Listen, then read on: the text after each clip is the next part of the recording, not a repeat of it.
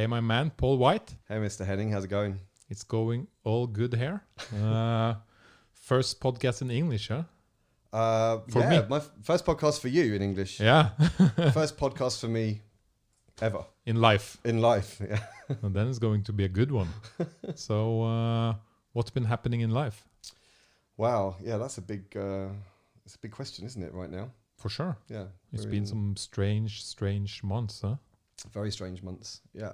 Um, yeah, that's a very good question. I guess um, I can say a bit about what's been going on in my life and maybe, uh, um, yeah, some thoughts about what what's going on around. Um, uh, but for me, at least, it's been um, it's kind of interesting. I've I've made a few changes in recent uh, in recent months, and some of those were actually predating the, the coronavirus. Yeah. So uh, I was in a kind of career transition phase, and it was an interesting timing because it was um, about a month before coronavirus actually hit. So uh, so I kind of feel like uh, this transition phase um, into into new work has somewhat been extended by yeah. Because you basically used to work with uh, startups before that Microsoft, right? yeah, Yeah. kind kind of. So um so I had a um a period at Microsoft um, in in Oslo, um, and then uh, at some point I decided I wanted to work with more purpose driven um, kind of um, potential uh, projects, etc. And um, I decided to jump ship and move to another business, and that's that business was contained within something called a group called Catapult, which has been working with um, uh, with early stage startups with sustainability. Um, also had a festival event uh, in uh, in Oslo, which has been running for several years. That has obviously been was slightly affected or affected by the the festival as well, um, by the by the coronavirus as well. Um, and within that group, I actually ran a, um, a communications business. So we were making uh, making 3D content for um, uh, for all kinds of different businesses. So that was uh, that was quite interesting. Yeah. So I was there for three years. Um, we were making all kinds of um, cool content, um, uh, working with some some really interesting customers. And uh, at some point, I decided though I wanted to sort of move on to wanted to move on to something else. And that happened early this year. And then, as I said, then Corona came along and kind of uh, sort of impacted some of it in in, in different ways. Um, um, but, but it's been kind of interesting because because now I'm starting to work with with new things and um, so what's uh, the new new things you're working on? yeah. So I- as I said, I I um, I actually I ran this company, this uh, this uh, animation studio, which was super super fun. Um, but now I found myself moving on to to more um, purpose driven content. So I'm working with a group out in in Los Angeles called Tree Media. What do you mean by purpose driven? Um, Everything has a purpose, right? Well, yeah, everything has a purpose, very much so. Um, when I say purpose driven, I guess um, yeah, it's, it could be interpreted in many ways. Um, in terms of how I see it, Yeah. it's really um, uh, working with with um, uh, in this case content um, that is trying to make the world a better place in some Yeah. way. That's So- amazing. Yeah. What so- kind of content do you guys work with? Well, f- first of all, Tree Media they've got quite a um, um, quite a uh, significant background in in working with with documentary filmmaking. So they they um, produced one of the earlier environmental fo- environmentally focused documentaries. It was called The Eleventh Hour. Um, that was I think about twelve years ago that came out, something like that. Um, and that was basically, you know, one of the earlier films shining a light on what's happening with respect to climate change and potential solutions that are out there, and and and, and, and in terms of the kind of impact that that uh, that climate change is having is having on us. Um, but the other thing is is that they work with with all kinds of different uh, areas. So, for example, um, uh, indigenous rights, um, um, policy when it comes to um, um, uh, uh, taking land for for uh, utilizing resources, for example, through fracking, um, and then also uh, uh, looking at how. Yeah. also um, looking at how um, uh, solutions can be utilized to make the world a better place. So fixing global challenges, essentially. cool. Mm. That's great. Mm. And uh, what do you work with here in Europe? Well, I'm working with in the north. in the north. Well, I'm I'm working with um, with uh, a project on on uh, on the behalf of Tree Media, which is a um, a documentary about deforestation in the northern hemisphere, which is a uh, uh, it's an area that isn't getting a lot of attention. Um, it's uh, there's a lot of lot of focus on what's happening in the Amazon, what's happening in um, uh, in South America and over in Indonesia, but there is not so much happening or not so much discussion around what what we're we're doing in in the northern hemisphere, the taiga and the boreal forests particularly. So we're currently um, working on a um, a documentary that is um, highlighting that aspect. Yeah. What? Which forest? Well, it's it's technically it's um, um, at least if you were to divide them up based on the the the ge- geography that they span, uh, it runs basically from from Norway um, over through um, Scandinavia, over through to Russia, Siberia, um, and then out out to to the end of of the um, uh, Asian continental shelf, and then back around through Canada, Alaska, and Canada. So it's the entire swathe of green that that that exists on the top of the planet. Yeah. What do you call this forest again? Huh? Boreal, uh, Boreal. is the is the area around Canada. Yeah. And uh, and a little bit over to, to Scandinavia, and then the taiga uh, or taiga forest is out through Siberia. I think I read somewhere that this is like one of the main lungs of the world. Like it's probably one of the main forests that clean the air, Mm-hmm. right? Yeah, that is correct. Yeah.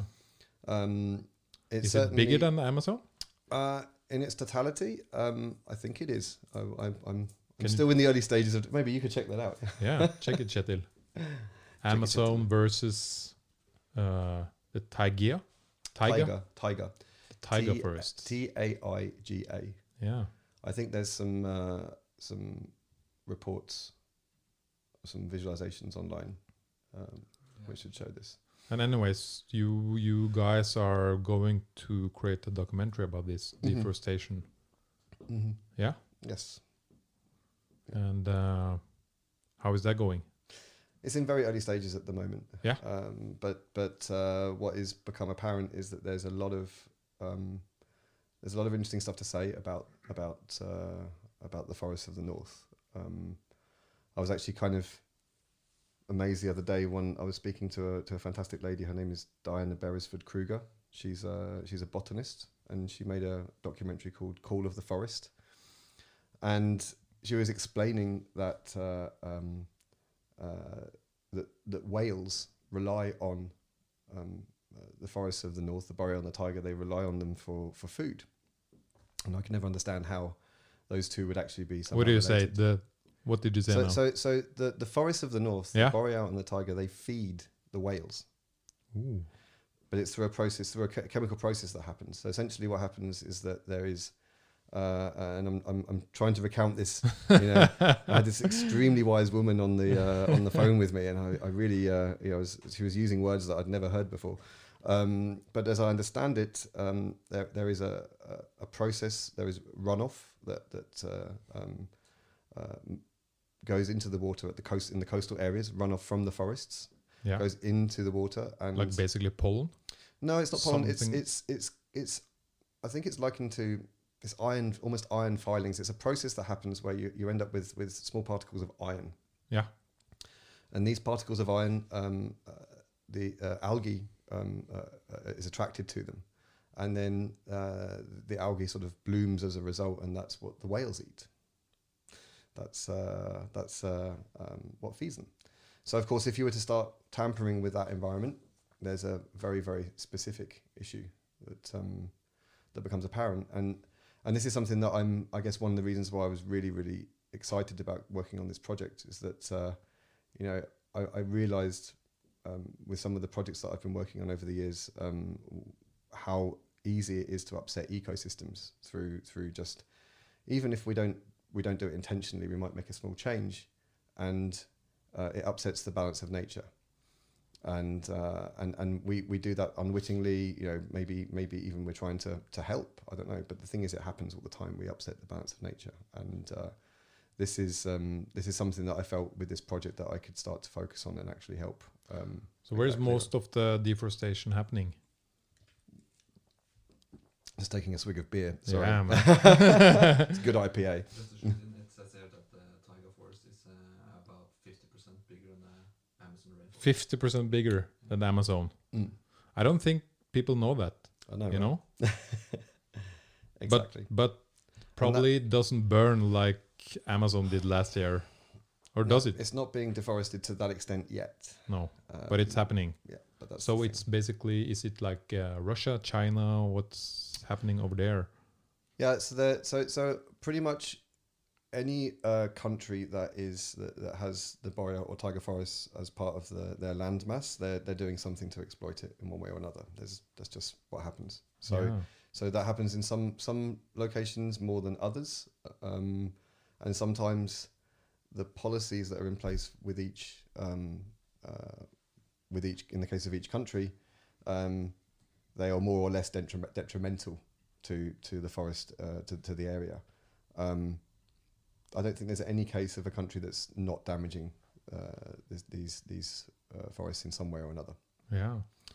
So, So what's happening in let's say around Norway, Sweden, around Scandinavia? um, well, in in Norway, we've uh, implemented a, de- um, a deforestation ban. Uh, so that really means in Can I just ask what what do you mean by deforestation? So deforestation is, uh, um, as I, as I, I mentioned to you in our talk before, there are se- there are several kind of uh, um, um, categories of deforestation, as I understand it. But but uh, for me, to ban deforestation would be to halt the process of cutting down any primary forest. Yeah. So primary forest uh, in Norway, they, I think you call it urskog. Urskog, Yeah, yeah. yeah. So primary forest is is essentially um, woodland that is is is ancient, as ancient as you can imagine, um, and if any of uh, more of that gets damaged, to me that is deforestation. Okay. So that is really the the destruction of of urskog or primary forest. And is that happening in Norway, Sweden? As I understand it, as I said, I'm still in the early early Yeah, phase yeah, of yeah. development, but as I understand it, that has stopped in Norway. Um, so it It's fucking great, Norway. as usual, it's always yeah. Norway Norway seems to yeah get some things right at least. Um, yeah, we pump up the oil, Yeah, but we don't cut the I know. How nice are we? Yeah, and, and you can you can keep your stinky oil. Just pay us the money. um, yeah, so Norway at least uh, has has a, definitely a, a better policy um, um, than than most countries, and then there are other countries. Um, could perhaps mention our neighbour Sweden. Yeah. um, that have a policy which is not really um, restoring the forest to its uh, to its former state, and uh, and as long as that's the case, then then essentially you know it's it's still a uh, an issue with deforestation. Yeah, because what I heard is like forest cutting in Sweden is a much bigger business there. Yeah. Yeah. Absolutely, absolutely, and and to a lesser extent Finland as well. So anywhere that, as I said before, anywhere that's got um, uh, forest as, as part of their landmass um, will be will be somehow u- utilizing that in some way. So what they do, they cut down the urskog Mm. and then they plant forest or not? Um, they replace Urskog, uh, primary forest, with which, which just to clarify what that is for anyone that doesn't know. So, so Urskog or primary forest is um, uh, essentially where where all of the different um, floral fauna species, um, um, Like are- mushrooms. for example, mushrooms, mycelium, for example, that they are present um, sure. as they are supposed to be.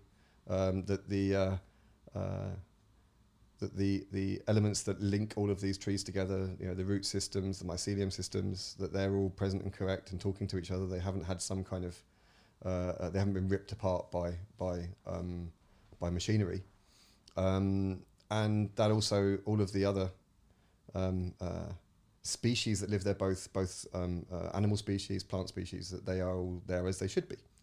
That's uh, yeah, that's a primary forest. Mm. And when you cut that down and plant trees, you kind of kill that. If you plant one type of tree, so if you if you it's, it's a what you what you create then is a monoculture. So so you end up with um, um, a lot of the elements that were uh, that were, were present there before, that that create a rich uh, natural environment. They they've all gone away, and to get those to come back, you can't really just um, um, uh, replace an entire um, uh, set of of um, uh, species that are present in one space. If you're cutting down a tree that's been there for, for hundreds of years, for example, and all of the uh, um, other creatures that are kind of relying on that, you know, you, you have you have all, all manner of, of species that, that are relying on that tree, and that's just gone away. Yeah. everything else dies with it. So to replace to replace that with just a single Single seedling, type of tree. yeah, means that everything else has has also has to, to to regrow as well, and that takes a lot of time. Yeah, and before this recording, we just talked about the example with the banana, right? Mm-hmm. I told you like most of the bananas we buy here in Europe is just one type. Yep. So they just plant one type of banana. Mm-hmm. And the problem there is if one virus decides to attack that type of banana, Mm. we're basically fucked. Yep. At least for bananas. Yeah. no more bananas! God damn it! no. yeah, yeah, exactly. Yeah, that's uh, that's definitely um, a good example of it. You know, um, um, Don't Anything- forget the banana example. don't forget the banana example, and absolutely, and, and I mean, there's there's many other examples. Um, I, I was working with a uh, a project out in Lake Tahoe, um, and this was actually a visualization project. We were we were trying to explain um, what what humans had done to the lake. So I don't know if um, if you're familiar with Lake Tahoe, but it's I think the maybe this is something you could look up. Uh, I think it's the, the either the deepest or the second deepest lake, um, uh, either after Lake Baikal. I'm, I'm not sure. We're going to find out, I guess. Um, and what happened there in the 60s was that uh, uh, the local fishermen, Lake, Lake Tahoe is Nevada California border. Yeah. So quite popular place, as you can imagine. And lots of people like to go fishing there. So what happened in the 1960s was that um, there was uh, uh, the fishermen um, wanted to increase the quality of their catch and the size of their catch. So what they did is they decided to introduce a non-native type of shrimp. And so that non-native shrimp um, uh, was a bigger shrimp. The idea was it was going to fatten up the fish. What actually ended up happening was is that the, the non-native shrimp decided to start eating the, uh, the the native shrimp, and in the process was also able to evade all of the fish. So what happened was that the native shrimp started to die. The uh, um, uh, yeah, the the the fish that were supposed to be fattened up started to have less f- less of a food source, and also because the the, the, the native shrimp was supposed to um, uh, they they eat the, the algae bloom, that was that stopped as well. So then the clarity of the lake, Lake Tahoe was one of the most cla clear lakes uh, uh, in the world. The clarity started to be affected, so suddenly there was these algae blooms. So then the whole lake started to lose its clarity. So just from Fuck. doing that one thing. I heard also, I think I heard an example about, I think they brought a kind of frog into Australia. Yeah. Have Yes, you heard that one? Yes. Yes. And the frog was basically, they were going to use it to, uh, I think it was eating some kind of bug Mm. for the farmers. hmm But it was also poisonous for a lot of the animals living in Australia. Yeah. And you know, a frog, when they jump into a dam and they fuck, they basically put out like 100,000 eggs, right? Yeah. Pretty productive. yeah.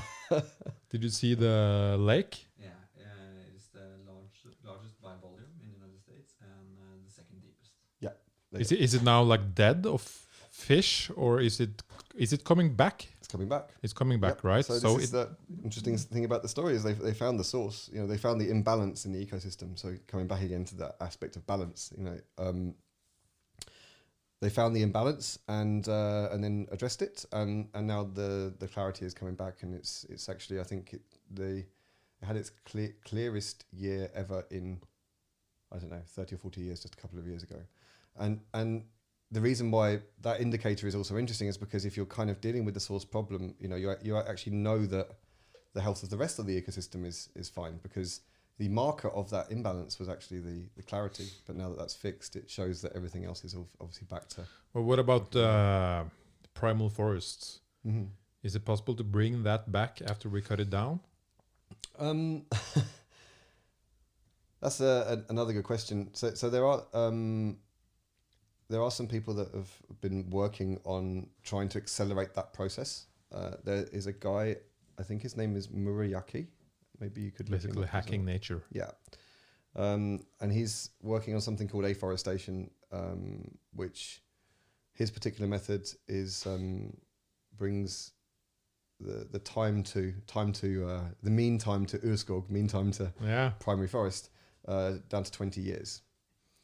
So it is doable in a short space of time, but but in, in terms of what, what it really means um, for, for us, I mean, of course, there's a lot of people that talk about using trees as sec, sec, uh, to sequester carbon, to draw down carbon, but that is definitely a, uh, there's a lot of potential there, but it's a very slow process to get to that stage.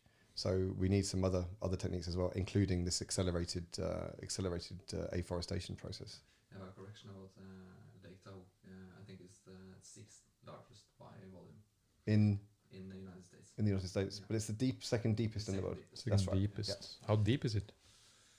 Must be like It's, uh, really 500 meters, 500, 500, 500 meters. Yeah, I think it's ba- Baikal that's the deepest. Yeah. believe. yeah. So I don't have no idea how deep that is. That's deep. I don't think anyone's been down there yet. Actually. It's the second deepest after Crater Lake in Oregon. Oh, which is, uh, shit. 594 meters. deep. 594. Okay, so maybe Baikal's number three then. I don't know. Can we go all the way down there? How far down can we go? That's a good question. Yeah. Um, I think. What's I the deepest like dive? in? i- i- Is it different in freshwater versus uh, versus oceans? Is I'm not sure. Deep Water, Deep Water Challenge by uh, Cameron. That's Cameron, yeah. Yeah. Ja- James Cameron, not David Cameron. That was the prime minister. that would be. Uh, wouldn't put him past him though. yeah. You know, he's um, But so basically the I'm sorry, but basically the what I'm hearing here in the story is we are fucking up with nature too much, right? Yeah. But there's also hope. for sure. Yeah. Mm. And we need to get these stories out. And Mm. the Amazon has gotten a lot of attention, Mm. which is very good. Mm. But there's also stuff happening with the taiga Tiger and the boreal. and the boreal forests. So so yeah, it's going to be an interesting journey to work on this. Um, and I'm uh, yeah, I'm I'm looking forward to it. Yeah. Um, so yeah, It's like a a- world another another world crisis, huh? yeah, Yeah. yeah. I guess so. I I I mean yeah, there's a few of them. It's a few of them at the moment. I have to just mention one thing though. Um, um, uh, I'm not sure how much you talk about this in your podcast, but um, but uh, but isn't it about a year since we were in a forest? Yeah. Is it a year like from now? I don't know. Probably. Yeah. I'm I'm just um because because one of my, my memories of understanding actually Urskog was was was actually at uh, when when we were out in the forest in Nesodden. Yeah, Yeah. that's Because amazing. because I, I went to the to, to, to the the um uh Are you talking about the festival? Huh? I am talking about the festival. ah, festival. that's one year ago today. Is it one year ago today? Yeah, Wow, there you go. yeah, man. No wonder I was thinking about it. There you go.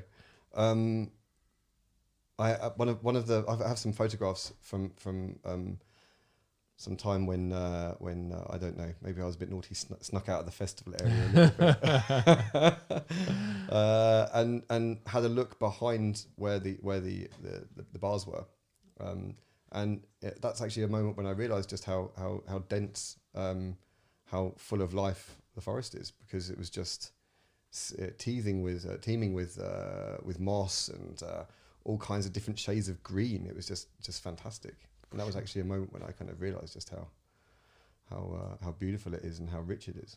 Yeah, when you when I go into nature now, I just leave the phone at home because you Mm. don't fucking see that stuff Mm. if you look at your phone all the time, right? Right. You know, disconnect and like, whoa, this shit is green, and like, whoa, it's a Mm. lot of life here. Mm, exactly.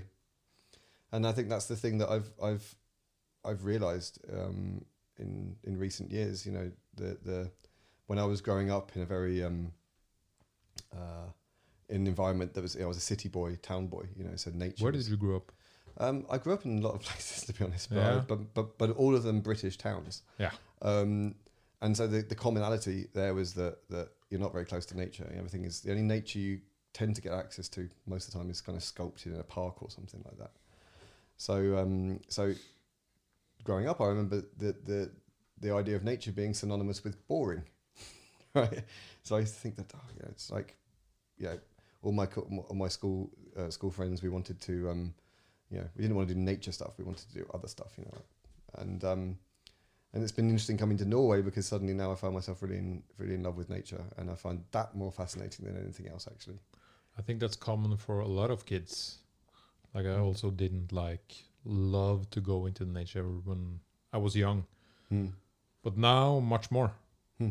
Yeah, a lot more. Hmm. And I guess I don't know how kids are today, but I don't know. yeah, How are kids today? I'm like, it's, it's so funny, isn't it? Yeah. They are uh, like extremely more connected to the internet.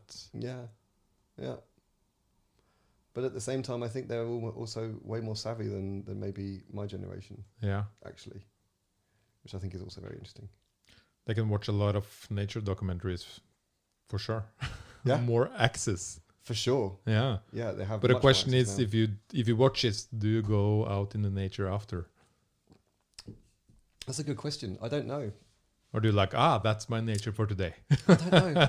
it was kind of funny. Before I came here, I was I was sitting in the park with a friend, and um, uh, there's a um, kind of a communal spot where they're they're growing food, and uh, some some little kind of half pint kids. They're probably I don't know four or five years old. They came over and they were tending to all the vegetables and to all the you know, like pointing at stuff and talking to each other. They were Yeah. fascinated by it yeah, actually. And and so yeah, when I look at that, I actually said to my friend, okay, there, there is hope. I think there's hope. Yeah. But like creating documentaries or getting the information out, Mm. like you are working on now, is very important. Mm. Like I, I didn't know about all the deforestation happening in the forests around here, Yeah, like in Russia, backyard. China, Canada, Sweden. Mm. What the fuck is Sweden doing? Yeah, yeah, we'll uh, we'll find out more about that. yeah, I hope so. I hope so. hmm. So, what do you think is happening with uh, all of this world crisis and uh, people in the world? Is something changing, or will we just go back to default when this is over? We said we'd probably go for some of the some of the big discussions, didn't we? Yeah, So let's why go. not? Let's go. let's go big and deep, right? yeah, big and hard. um, yeah, another great question, Henning. He's full of them today. Yeah. Is that what a podcast's about? Is it something to do with that? Asking you ask me questions and I answer them. Is that is that it? Kind Yeah, of. you can ask me questions too. Um, Just Yeah. watch this, Paul, because we can hear everything. oh, Yeah. okay. I wasn't Right? aware of that. Yeah. So I won't do that then. Um, yeah, what is going on with all let's, of uh, this? let's have a little cheers before we go into the deep, Yeah. deep talks. Cheers. Cheers, man. Cheers. Thanks for being here. Yeah, thanks for having me. Okay. Okay. Hmm. Going to do a little pregnant pause here so we can edit this out right, I guess. I'm just trying to get my Take it in. Mm. We were talking before we when you came here about making some kind of change, Mm. how people think. Mm. Yeah. Yeah. So I'm not going blank. I'm just trying to make sure that I'm because this is quite an interesting. It's an interesting question. So I just want to make sure I'm kind of answering it in the right way. Um, so repeat repeat it so that I can just sort of respond. So basically, it's what we see now is a lot of different world crises, Mm. right? hmm Deforestation. The media is quite Mhm. fucked up, right? hmm Uh, democracy is fucked up. Yep. Uh, racism is happening.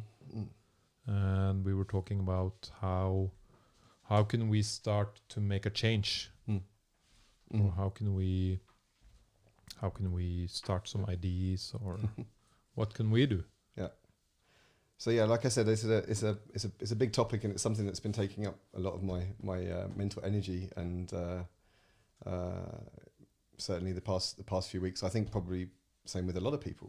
Yeah. a lot of people are um, uh, um, varying degrees of of of of maybe frightened or um, confused, or um, there's a lot of uh, um, I think a lot of situations where people's um, identity might be slightly slightly uh, questioned because because all of the things that they've been sort of relying on have kind of suddenly shown to be um, um, maybe not as uh, as important as they thought they were. Mm. So you know, there's there's all kinds of interesting stuff happening. So let, let's say I've heard that in the U- in the UK there's been an increase in the uptake of of rentals, apartment rentals, because of the number of people that have been splitting up, for example. Right?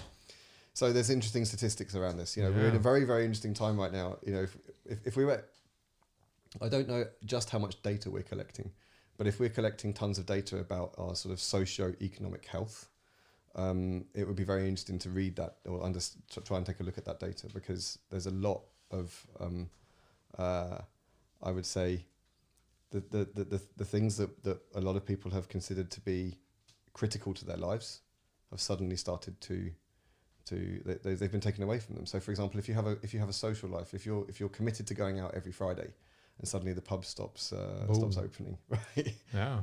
Yeah. So there's a whole you know a whole set of things that people do on a regular basis, which which which you know have been taken away from them at Or least for a period of time. I've seen a lot of people that you know you only meet other people at work, Mm-hmm. and then you're working from home For example, for two if, months. if this had happened, if this had happened, let's say, this is something I was also we were talking about about before, about the difference between what is what has happened right now, you know, with um, for example, with the pandemic. If you look at the pandemic that happened hundred years ago, the way that uh, both both people and information uh, um, moved around was very very was very very different. Whereas now everything is um, is extremely instant, you know, and uh, and so the repercussions of that, you know, are very um, uh, extremely interesting right now. Um, and I'm kind of, you know, if people, for example, say, um, like I mentioned before, if they're if they're committed to or they like to go out and they like to do something on a Friday, suddenly that thing is taken away from them. If if you looked at me from when I first moved to Norway, for example, my my only friends at that time when I first moved here were the people I worked with, as you said. Uh, I didn't really have a community of people around me, so so I've, at that time I was already kind of lonely. but um, but imagine if that had happened now. You know, I can imagine I'd be I would have been yeah, pretty damn lonely right now. You know, so there's a a lot of things I think happening on an individual level. People are being um, you know being being faced with certain things that they haven't had to handle before. And it seems for me like this has also boosted conspiracy theories. Oh, for sure. Have you seen all the stuff Yes. happening? Yes, for sure, for sure. Yeah, and I'm, I've I've also been kind of pondering that as well because I think that that uh, it's it's kind of funny. I um when I was a kid, um certainly in the early '90s, I was super into conspiracy theory. Yeah. So I was I remember reading Which ones? Well, Do you, can you name one? uh, like well, the I- wildest, the wildest one. You remember? Well, I'm not sure. Depends what you mean by wild. At the time, you know, at that time there was a lot of discussions about um, uh, uh, you know, UFO conspiracies in the US. You know, Area 51. This is kind of pre X Files actually, so it was in the early 90s. And I remember you know reading this this book, which was um, it was called Above Top Secret, and it was about um, uh, classified documents. You know, and uh, that the US government were hiding, and stories of uh, abductions and aliens appearing at the bottom of your bed, and all kinds of all kinds of stuff. and and at the same time, where I was living, um, a be- beautiful city called Bath, um, uh, there were all these crop circles popping up all around. So so and there was obviously debate then because some people were just saying, "Oh, it's a hoax," and other people were like, "No, no, no, these are these are messages from from aliens," you know. So and you was- were running around like, "This is fucking aliens, dude." well, actually, actually, you know, I was about eleven, you know, so I don't know. I didn't know, don't know what I thought at the time, Yeah. but, but but actually, even then, I was skeptical. I've always been a um um uh, as far back as I can remember, I, I've always been an open-minded skeptic. That's why I kind of how I, how I view the world in one, at least one aspect of how I view the world. So even then, I was like, yeah, if there's, if there's a guy here with a with a plank of wood and, and, and some rope, and he's just pushing these this this straw down, that would make sense, you know. But on the other hand, you know, there was all these uh, like I, I lived in an area where there were druids and there was Stonehenge nearby and the Vale of Avalon and King Arthur. So I literally grew up around, you know, like all of these different. uh, if you want to call them, let's let's not say conspiracy theories. Let's call these myths. You know, these particular Mm. myths, of which some of them have um, bred conspiracy theories. So I kind of grew up around all that, and I was super into X Files as well. So what I realized actually recently was that there are these two phrases in in X Files: "The truth is out there," and "I want to believe." And I kind of had a realization when you talk about these conspiracy theories that that almost is like the embodiment of what is going on here. Really, you know. Um, uh, it's kind of funny. We're talking we talked earlier about the the Joe Rogan mics here. You know, I remember on a, a Joe Rogan podcast, uh, him him actually sort of saying that it's it's so cool to believe in conspiracy theories because they're kind of fun, Yeah. right? Um, And you want to believe in them. Some of Yes. them like, wow, whoa, I want to believe this shit. right, exactly. I want to believe, just like it says in the X Files, and the truth is out there. Mm. Um, I kind of think now, now. Now I'm kind of going a little bit, yeah. Yeah, let's go um, back to like, okay, we we um all of this loneliness mm. has led to a lot of conspiracy theories. I think that's well. I think there is definitely a correlation for sure. Um, but I think there's there's a number of things. I don't think it's just loneliness. I think it's it's um, a a need to make sense of the world. Um, uh, I think it's also combined with with um, a sense that that something is being hidden and um, that the whole truth isn't necessarily being played out. There's there's uh, media agendas or um, some kind of uh, hidden hand or something like that that's that's playing a part. And it does it's it it's not strange because you really feel you cannot trust the media anymore. Mm. Mm. Uh, At least a lot of it. Mm. Yeah, absolutely. And and and and I think part of the issue here, you know, it's that we have media systems that are only ever really um, uh, they, they have inbuilt agendas, right? So so they've almost sort of made they've almost decided on on the outcome of the story that they're writing about before the story is written. Do you, do you understand what I mean? So so they want to find a story like for example, uh, one of the uh, uh, earliest maxims in in uh, in uh, media has been if it if it bleeds, it leads. So that's uh, all right. So it's, Yeah, it's basically that. death leads. You know, that's the thing you put on the front page. Isn't it like sex, drugs, and violence? Yeah, I think so. You know, That's like the three Right.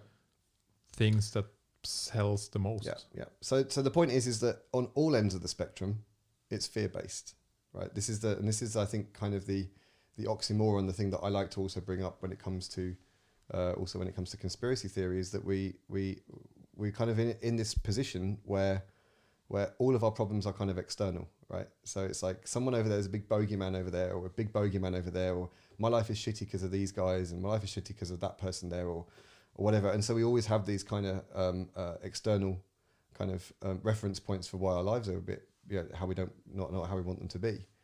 But but the interesting thing is that you you hear people sort of screaming against the fear-based media, but they're also acting in fear themselves, right? There's no one really kind of pushing a actual solution to all of this. It's just kind of a reverberation. Spreading more fear. Yeah. So it's like a massive echo chamber, actually. You know, Mm. we talk about echo chambers, you know, within t- particular worldviews, but we kind of also operate in this massive media echo chamber, and and where where truth has become very um, um, fluid and dynamic, and and and and it's very very hard to, to to to take a grip on. So then you're going to start focusing on what feels great, right? So I feel this conspiracy is, you know, this fits with me. You know, like I said, I think when I was when I was younger, I thought UFOs are super cool, until I got to the point where I was so shit scared of going to sleep at night that I thought I actually asked my mum to tuck my feet in because I thought that somehow that would prevent me from from being abducted or finding an finding an alien at the bottom of my bed. So you know, But yeah, um, now as you said, it's more like becoming an echo chamber, mhm. and it's just spreading more fear. yes, People are just okay. Media writes about bad shit happening, Yeah. and then the conspiracy people are writing about badder shit that's happening, yep, and then it's just like everywhere you look Mm. on social medias and everywhere, it's like oh, it's just full of bad shit Yeah. everywhere, yeah, and Exactly. it doesn't really help anyone, right? no, and that's kind of leads into what do we need to change Mm. or how can we change that Mm, mm, for sure. Yeah. Um, well, this is something that I mentioned to you earlier before um, we started here, but um, I'm I'm very uh, interested in in um, in altruism, what it means to be altruistic, because I actually kind of feel that that Can you explain that word for the people who doesn't know? So um, I don't have the, the, the, the dictionary dictionary term of it. Maybe you could maybe you could find it for me. Um, I can also uh, see, uh, it'd be interesting to see how Out, close I am.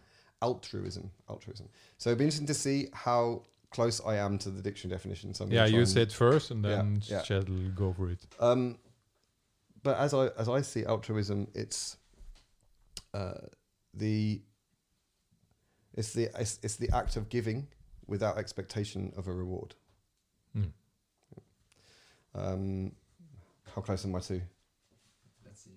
This is, now I'm super curious.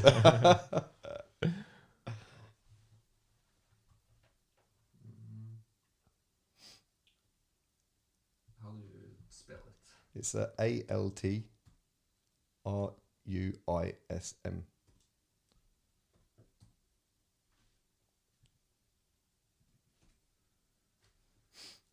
So you want to share stuff, but you don't need to get something back.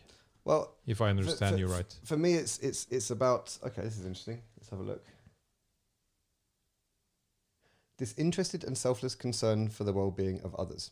Okay, so yeah, maybe I'm I I simplified the the, the explanation, but but but essentially for me, it's it's um, uh, almost a mathematical construct. It's um uh, it's it's a a one plus one equals two rather than one minus one equals zero. Like that's kind of on a very very basic level how I how I perceive it. And Can and you use that example in terms of life or Sure. Yeah. So so um, if you take for example how most businesses run, they are exploitative. So so the idea is that they they um, uh, take a resource, um, they they repackage it and repurpose it and repurpose it and sell it on, and they also uh, hold um, um, uh, control and ownership of of that particular resource. Uh, and and the whole kind of model is is based on the fact that that uh, um, it, it, is finite. We're gonna the, the system behaves as if it's infinite, but the system but the actual resource itself is is finite. And and as I said to you earlier on, it's all about how do you extract um, the greatest possible efficiency from from from that resource. But in and of itself, it's kind of a race to the bottom. It's like okay, what do we do? Like right now, we're in a situation where we're saying well, we want to extract as much resources as possible to create stuff that people buy and as maybe much as possible? as much as possible. And when we when we when we when we're at a point where we have no more, I mean, we have this kind of idea that the only reason we can't get more out is because we haven't extracted enough, right? So so at what point are we going to say, well, let's just extract until the Earth is a shell? You know, uh, oh, it's great, we can just go and mine, you know, some asteroids. Uh, uh, in the end, if you look at this idea of subtraction, utilization of resources, and subtracting from something, it's going to at some point end up with zero, right? If it's not sustainable. Yeah. Um, my my viewpoint is that that we can actually right now what we're trying to do is we're trying to move from from from um, uh, an extractive kind of world to a sustainable world. That's something that we talk about. We talk about sustain, sustainability, but there is also something that's beyond that, which is which is a regenerative world. So this is where we go from from um, uh, uh, sustaining what we have to to moving into a place where where there is a positive growth in terms of of moving from from uh, an unnatural state, an unbalanced state to a to a natural state. Am I making sense? Am being For very, me, very- yeah. Right. So so. Um, so taking care of the urskogs. Yes, exactly, exactly. Taking care of the urskogs, and and for me, this is the, the, the idea of altruism is that that that if we understand that by behaving altruistically, we actually get back, because in the end, we live on a planet where where at least in my viewpoint, everything we need to exist uh, in in a in a fantastic way on this planet for you know, all of nature, all humanity. It already exists on here. We just need to make some behavioral changes. How can a person, you know, if we drag this all the way down to a person, Hmm. how can they start to do small changes to live like that? Um, this is going to maybe sound a bit um, airy, I guess. I don't know, but but um, at least from my perspective, I feel that I am becoming more um, uh, able to to to make a difference in the world through working on myself. Actually, it's been through a lot of my my own sort of um, uh, understanding what my my own personal motivations are, my own behaviors. Why why why am I compelled to consume? Why am I um, attracted to buy a certain type of car? You know, or wear certain types of clothes, or, or exhibit certain types of behaviors. It's only when I've really started to work on that and understand what the motivation is behind it that I've uh, then come to a point where I'm starting to detach myself, well, detach myself from it, but make much more conscious choices. So, so of course, you know, So I can, ask yourself, why do I want to buy the shit I buy? Yeah, Why do I want to? Why do I want the new iPhone? For example, Yeah, I have a good. I have a good one. It's working. Yeah. But I feel I need a new one. Yeah, exactly. Why? And when you start with that, when people start with that, um, uh, then it's there's a quote. Okay, I can't remember what it is. It's um, uh, about a concerned group of group of citizens changing the world. I can't remember who it Don't was. don't shit in your own house now. Well, there's that. Yeah, yeah. There's that. Don't shit on your own doorstep. yeah. Um, uh, I'm trying to remember this, but but but basically, if we start to collectively make those changes, um, I actually think that things can change through through this behavioural change. This is also something that Extinction Rebellion have talked about, which is uh, the idea that three percent of of a population, if they start to exhibit a certain type of behavioural change, that's something that will virally spread out. Perhaps a wrong term right now, but virally spread out to to the rest of the world. So you have to be, you have to get to a certain point to to to in, instigate that kind of system change. And of course, Extinction Rebellion are doing that through protests, which is fantastic. They're also doing it through advocating taking mushrooms, which I think is also interesting. Um, um, um, but then also the other thing you can do is actually by resisting by by changing your own behavior. But I think instead of just doing it through being told to do it, it's also interesting to kind of understand why you know to, to kind of unravel the programming that you you basically are subjected to, to really understand why am I why am I buying buying a exhibiting a certain behavior that is kind of uh, not po- positive for the planet. So another thing is of course quite contentious, but the eating of meat, right? So I don't know about you, but I would quite happily. I mean, I would quite happily give up eating meat if I knew that I'm going to save the planet in the process. Yeah. to be honest, Yeah. you know, it's like Just give me good good alternatives. give me good alternatives. I'm fine with that. If I'm going to save the planet through doing this, or at least you know, damn well contribute to it, then why am I not doing it? What am I holding Yeah, and? I think you can even like cut down to one day or two days. Exactly. Yeah. Exactly. It's completely fine. It's not. It's not a judgment about oh you're a bad person for eating meat, but it's just about trying starting to question those choices that we make. And I think that's actually what can happen on on a on an individual level, and it happens uh, uh, broadly enough, it's going to make a difference. And and I also see it happening with with with young the younger generation. So my nephew, um, um, who is 21, he the idea of buying new clothes to him is just like really weird. It's like what buy new clothes? He's he's buying all his stuff from something called Depop, I think it's called, which is a so he doesn't he doesn't own any new clothes. It's it's a it's a um, um, a marketplace for used clothing, and all of his friends buy used clothes. That's amazing. Right. Yeah.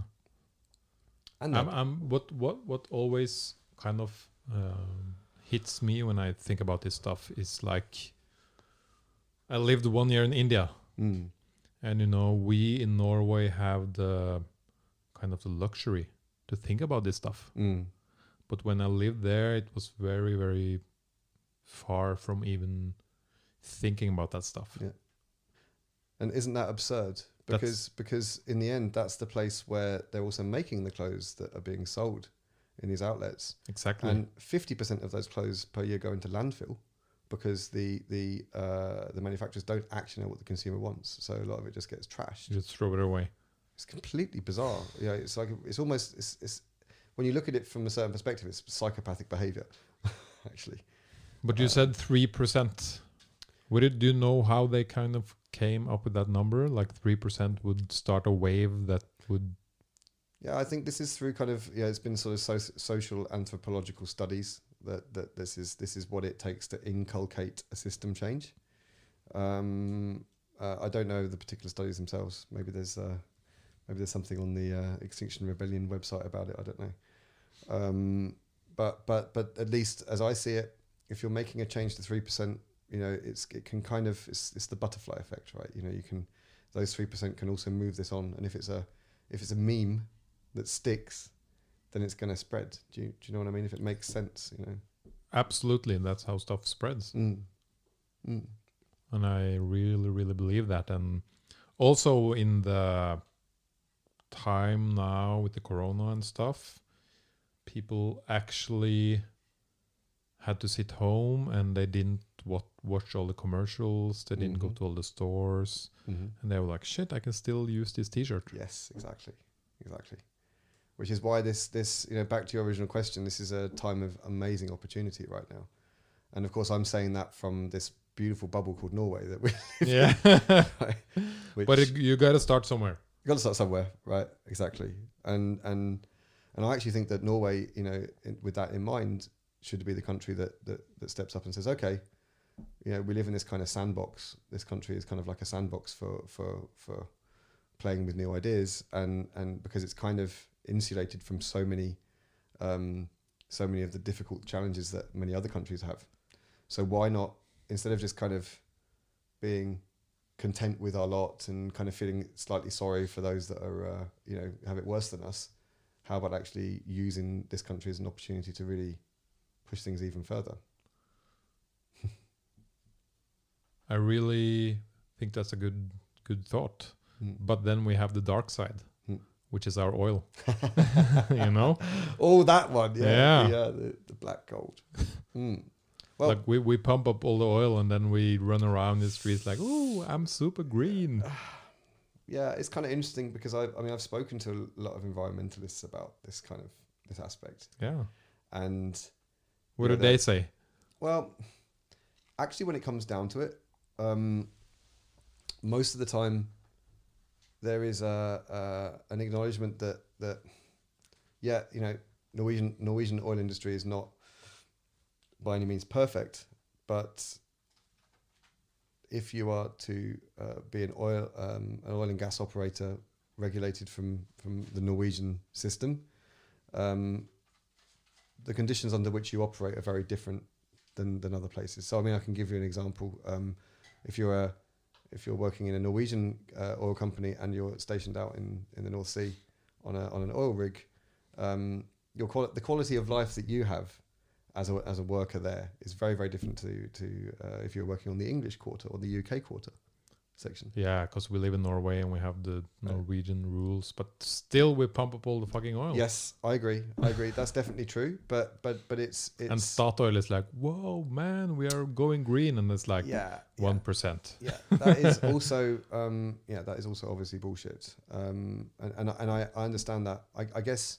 I'm trying to be a pragmatist because the the interesting thing about the oil fund is that it has actually divested from carbon based. So the, the so the fund itself has divested from from, from fossil fuels, which is a good step. Um, also, the way the fund is constructed, I think, is also very interesting because it's really it's been been put together with a lot of foresight in terms of how you know from an economics perspective. So it's kind of insulated Norway from a lot of the problems that exist in other countries. So in, in, terms of stewardship of that that that wealth, I think Norway is far ahead of many, many other countries. And let's be honest, you know, there's other many other countries that have taken taken oil from uh, from the ground and have not spent the money so wisely. No. So that's I my perspective on it. yeah, yeah. I'm not saying it's good, but I'm just saying that at least Norway has a much um, um, better is a much better custodian of those of those uh, um, of that money. I think now we. The problem I see now, we have kind of the possibility to try to slowly move away from it. Mm. And then it's very easy to just get back to default. Mm. Like, okay, Corona's over. The oil is getting back. Let's get those pumps going. Mm. Yeah, I. Yeah, that's an interesting point. I think that. Well, at least I know from. I can only kind of really talk about the people that I've been communicating with during the past few months. Um, but I'm seeing a lot of, like like like you just talked about. There's a lot of behavioural change that's that's happened amongst people. So um, I know from my side, I thought that I was also kind of I've also kind of been greenwashing a bit. You know, I've still been buying stuff. you know, uh, until quite recently. But then suddenly being in a point where I didn't, there was no kind of need to do it. Suddenly I'm spending a lot less money. Yeah, I've Right. just been buying mushroom cacao, right? Right, mushroom cacao, you know, all the important stuff, you know. So, so I'm, I'm not, um, I'm not finding myself worse off at all. I mean, yes, it would be nice to hop on a plane and go somewhere, and you know, etc., etc. But I think that there's a whole lot of behaviours that have kind of changed for good now, really, or that at least it's going to be a long while before they, they, they ramp up again. I really hope so. Yeah. And I want to believe it. Yeah. You know, Mm. that would be amazing from Mm. the for the earth and from the for the people. Mm. I think we have a window of time. I don't. I don't think it would take long before people start to, you know, to go back to their old habits again. But I think one thing that's interesting is that, you know, I don't think the travel industry will recover, you know, for, for, for quite some time, and that has so many other knock-on effects because you know, in terms of how we how we move around the planet, um, and and and there are so many kind of um, like for example in Norway, I was thinking about this the other day. We we don't have um, uh, the opportunity for many tourists to come and visit us this year, but but we ourselves are going to be traveling around Norway, so it's not like we're going to stop spending money. Do you, do you understand what I mean? So That's the first time in many many years I will travel the country myself. right, Yeah. and what a beautiful country it is. Yeah. yeah, I'm looking forward to it. I'm always like I'm waiting for a friend from another country to come, then I will do it. Yeah, yeah, exactly. No, I'm definitely going to be. Um, well, I'm, I'm going to North Norway for the summer. That's going to be nice. Where are you going, going to go? What's the plans? Lofoten. Lofoten? Yeah, It looks amazing. yeah, it is amazing. I'm going to stop by um, by Værøy as well. Yeah, tell me about that. Yeah, yeah, that's a yeah, it's a fun, an interesting little story. Um, uh, a bunch of, well, I'd say a bunch of friends. It was a, a, a, a community of people that wanted to to buy some land on on, on the island of Værøy. We got together and uh, and and bought a spot. Väröja. Værøy, yeah. So Yeah. Which um, uh, directly translated translated from Norwegian to English means weather island, which it is It's located at the very end of the Lofoten chain. So it's really, really right out into the wilds. It's a very beautiful spot. So, um, so yeah, I'm part of a crew of people that bought um, an old airport, or at least the land attached to an old airport. Yeah. So, That's uh, fucking amazing, Paul. so it's, what are you gonna do with the airport? well, we don't have the we don't have the landing strip, although it can be used. But we have the airport terminal uh, area, and uh, right now it's um, it's uh, um, I guess you could call it a creative retreat. It's a place for, for people to go and um, go and go and relax and, and, and look at the scenery, which is just uh, mind-bogglingly beautiful. I, I I've never seen anything like it in my life. There's nowhere else that I can compare it to on the planet. It's, it's extremely beautiful. Um, You going to build it into something or Well, we have some Well- ideas. Um, we want we wanted to make a um, innovation community center, I guess you could call it. So this would be a place where people could come with innovative ideas to to yeah solve problems, and uh, and also to combine that with the, the the local community and see if there's any way that there could be kind of a collaboration around around this. I think But- I actually saw a girl on Facebook that lives there for some there at the months moment. Yeah, she's um, studying. so, so, solar flares. That's yeah. a, that's the like the proper way to do Corona, right? Yeah, exactly. She's on the corona, like right up there. you Yeah. know. yeah, Go to an island yeah, and study yeah, the fucking solar flares yeah, yeah. for a couple of months. Exactly. So, so she's doing that. She's earning a PhD apparently in this. So that's a beautiful, uh, beautiful example of what we want to do with the space. You know, just to have people go there and and uh, you know grow grow ideas and spend some time. It's it's a yeah such a beautiful spot. So I'm going to go there for a bit. At least. Cool. Yeah. Yeah. I think I will travel Norway myself. Probably hit up some interesting people for the podcast. Yeah. Yeah. And um, you know this I think this talk has been extremely interesting, huh? Will you come back? so. Of course. Yeah. If you want me. I I always want you, Paul. Well, it's nice to be wanted. So for sure, I would love to. yeah.